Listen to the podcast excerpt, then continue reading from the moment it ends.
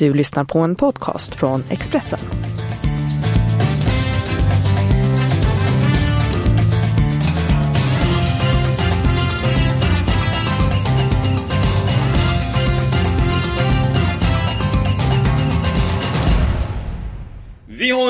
En intensiv helg framför oss. Allsvenskan är igång, Superettan är igång. Det är dags för Premier League, FA-cupen och det jackpot på Stryktipset. Varmt välkommen till Avspark, Expressens podd där vi snackar fotboll och Stryktips.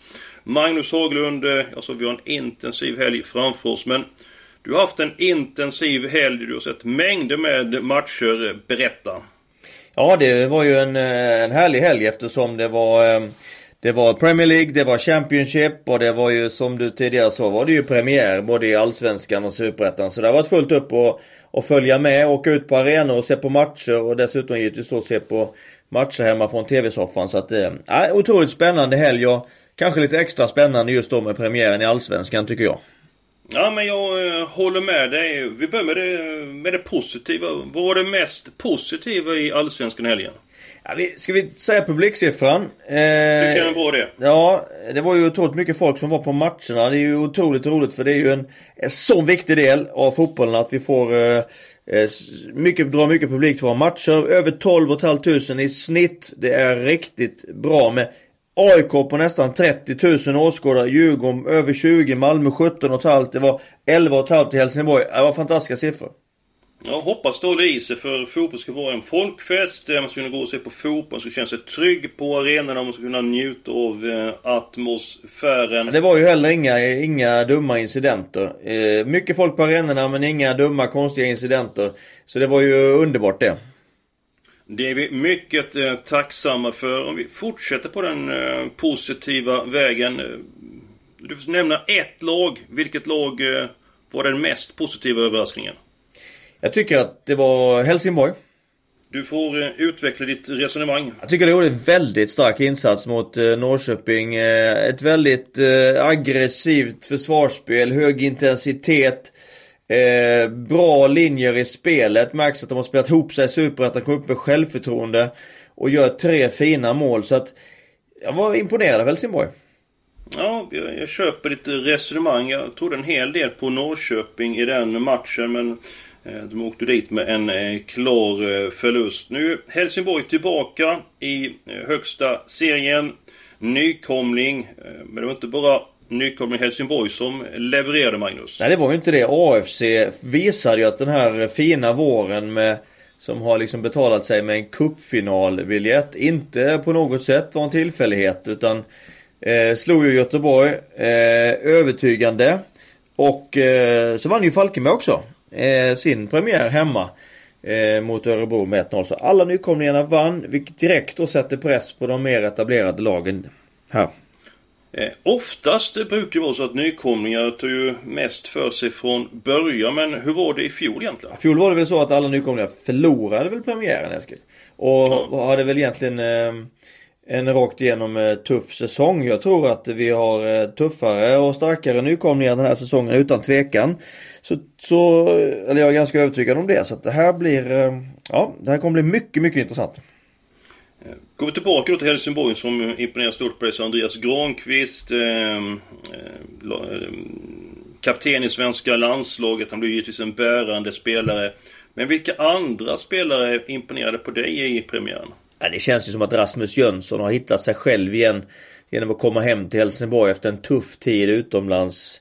Det där är ju en helt underbar fotbollsspelare som har så, så otroligt mycket. Jag tycker han fick visa en hel del av det registret mot Norrköping och imponerade och inte minst gjorde han två mål. Ja, en eh, riktig eh, måltjuv. Om vi byter fokus nu. När vi eh, strött med superlativen. Om vi tar eh, ur negativ aspekt. Eh, var något lag som var en stor besvikelse för dig? Ja, jag gick till Borås Arena för att se Elfsborg-Hammarby. Jag hade höga förväntningar, eh, inte minst på Hammarby. Jag blev lite besviken. Vad var det som saknades i Hammarbys spel? Jag tycker Hammarby hade en eh, väldigt låga energier i matchen. Eh, hade en, eh, en, eh, egentligen det som, det som Helsingborg hade mycket av hade Hammarby väldigt lite av. Det vill säga att eh, intensitet, aggressivitet i försvarsspel saknades.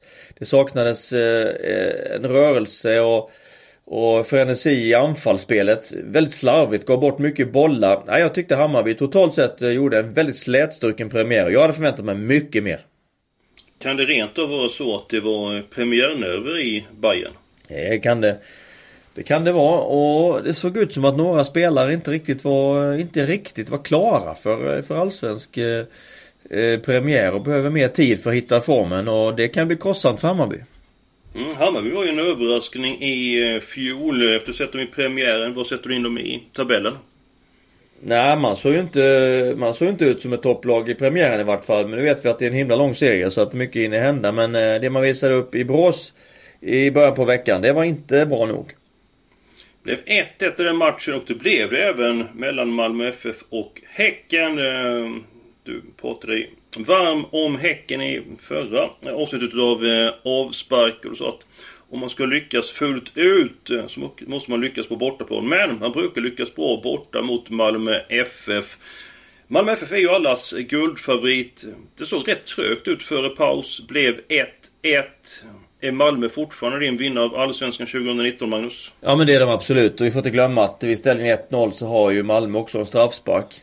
Eh, för att i princip döda matchen. Så att... Eh, men eh, det såg trögt ut och det skrämde egentligen ingen. Men eh, med den truppen, truppen man har och över tid så kommer det med stor sannolikhet betala sig. Så Malmö är absolut fortsatt min stora guldfavorit. Jag instämmer. Vi kommer att prata en hel del eh, svensk fotboll eh, framöver. Eh, jag tycker det är kul att Allsvenskan är igång. Det är hög tid att vi kollar på Stryktipskupongen. Det är jackpot. Tre stycken spikar behövs minst. Matchen möter Manchester City mot Brighton, FA-cupen. Brighton slog ut Millwall efter straffar i den senaste omgången av FA-cupen borta mot Manchester City. Så tror jag inte man kan gå i närkamp. I Premier League eh, tog mycket på Leicester mot Huddersfield. Eh, Huddersfield har förlorat 15 av de 17 senaste omgångarna. Kommer degraderas till The Championship. Eh, Leicester, de ångar på. Har visat bra form på sistone. Jag tror att man tar fjärde raka segern. Sen går vi till The Championship. Eh, Bristol City skrällde mot Sheffield United senast, vann med 3-2. Mötet borta svagt. Wigan, min känsla att Bristol City tar 3 poäng. Vad tror du? Ja, jag är inne på det också Eskil. Jag tycker att Bristol City har övertygat eh, väldigt på slut. Tagit några riktigt eh, tunga, fina skalper och då tagits upp på playoff-plats till Premier League. Så de börjar få lite, kan börja sniffa lite på Premier League och det tror jag kommer fortsätta ge dem en enorm motivation. Och som du säger, Wigan har varit allt för dåliga på bortaplan för att kännas som ett rimligt hot mot Bristol City till helgen. Ja, eh, dyster läsning för Wigan-fans. Eh, de har spelat alltså eh, 19 matcher på främmande fot. 15 förluster, 3 kryss och en seger. Det inger ingen respekt. Vi spikar ettan i match nummer 11. Det var ju inte bara eh, Allsvenskan som eh, drog igång i helgen utan det var även eh, Superettan. Du var på plats i Jönköping. Såg Jönköping Södra mot Halmstads bollklubb. 0-1 slutar den matchen.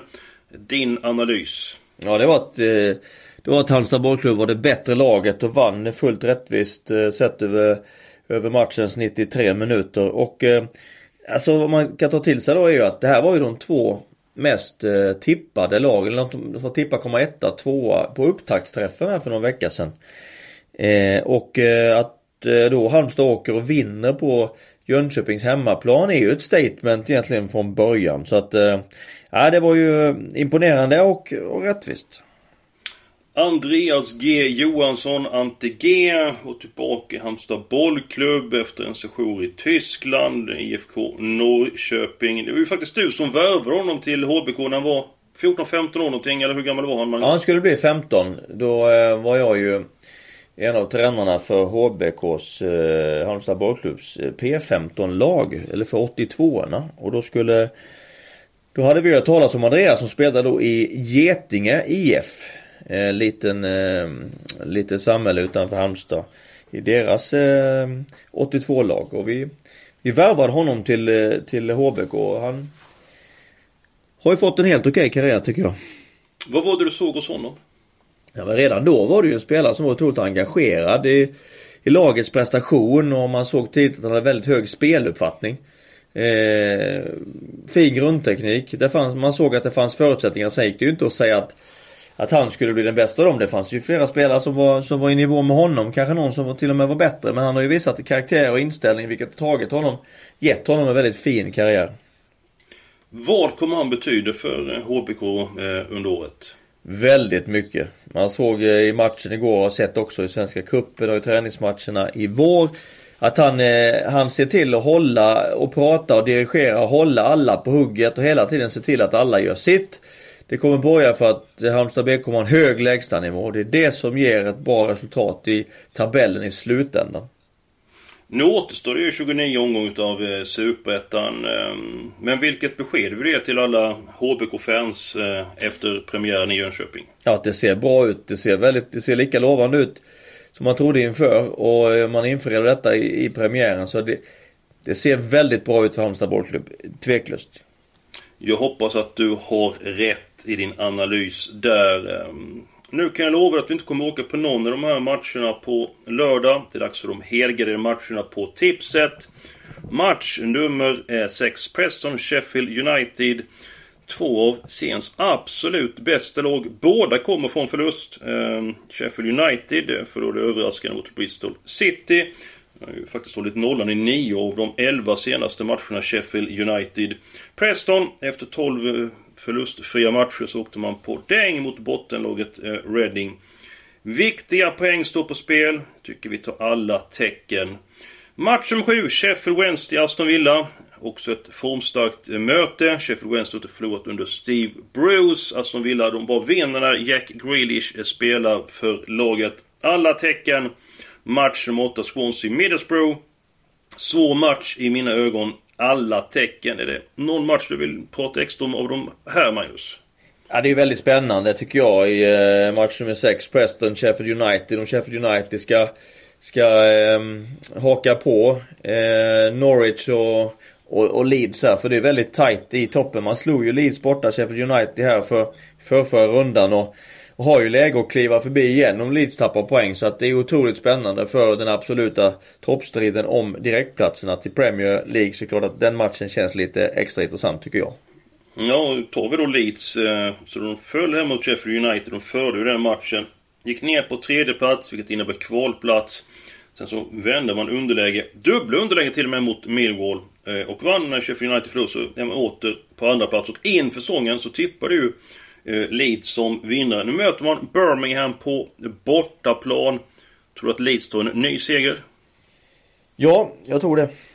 Ja, jag är helt eh, inne på det. Jag tycker även att den matchen kan eh, eh spikas match eh, nummer 5. Eh, Vi har pratat en hel del om Manchester United i tidigare eh, poddar. Eh, du tyckte att man skulle skriva ett, eh, eller klubben skulle skriva ett eh, kontrakt med Ole Gunnar Solklok. I förra veckan så blev det klart. Han blev permanent manager för Manchester United. Vad kommer det betyda för Manchester United under spurten? För det första vill jag säga att jag tycker det är otroligt roligt. Ole är en fantastisk person. En härlig människa som jag lärde känna under min tid i Norge. På vilket sätt är han så fantastisk? Ja men han är otroligt öppen och tillgänglig som, som person och har på något sätt någon minut över för alla.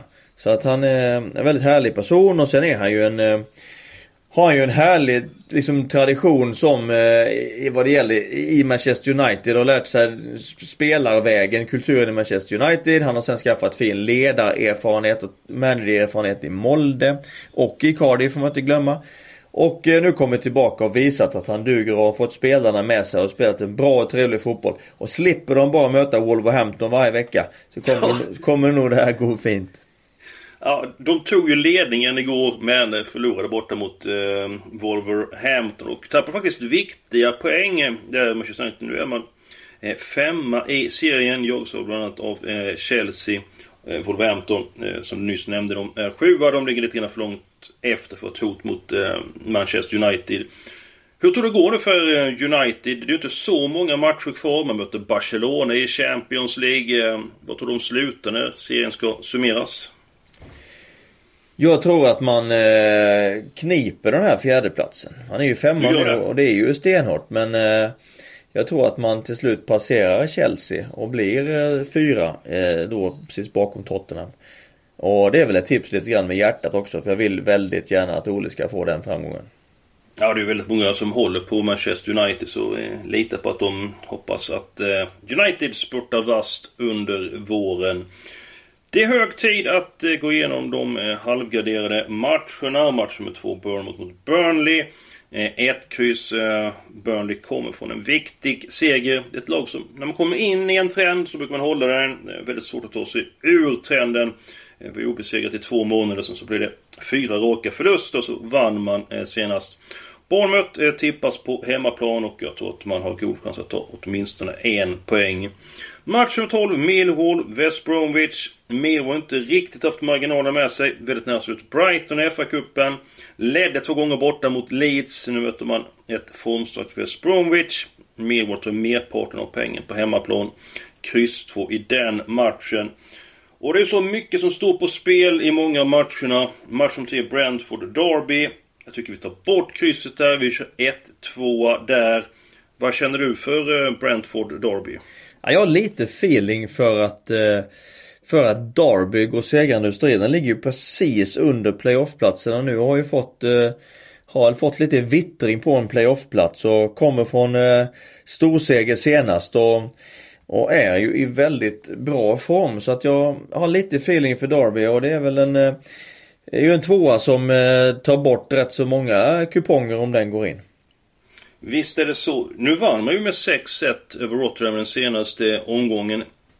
Min känsla ibland är att när ett lag kommer från storseger att man har svårt att ladda om mentalt. Man tar lite grann lätt på uppgifter. Det är någonting som du känner igen. Mm, det sker. Det sker ju av och till. Absolut är det så. Eh, men jag tror att just deras möjlighet att kliva upp på på playoffplats till Premier League att det liksom överskuggar den eventuella lättjan som kan komma in efter en storseger. Så jag, jag har feeling för Derby i den matchen.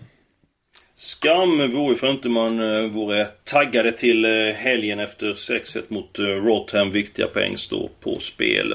Det var allt för den här eh, veckan. Eh, nästa vecka är vi tillbaka. Eh, då är ni varmt välkomna att lyssna på oss. Och har ni några frågor, mejla in dem. eskil.hellberg Se.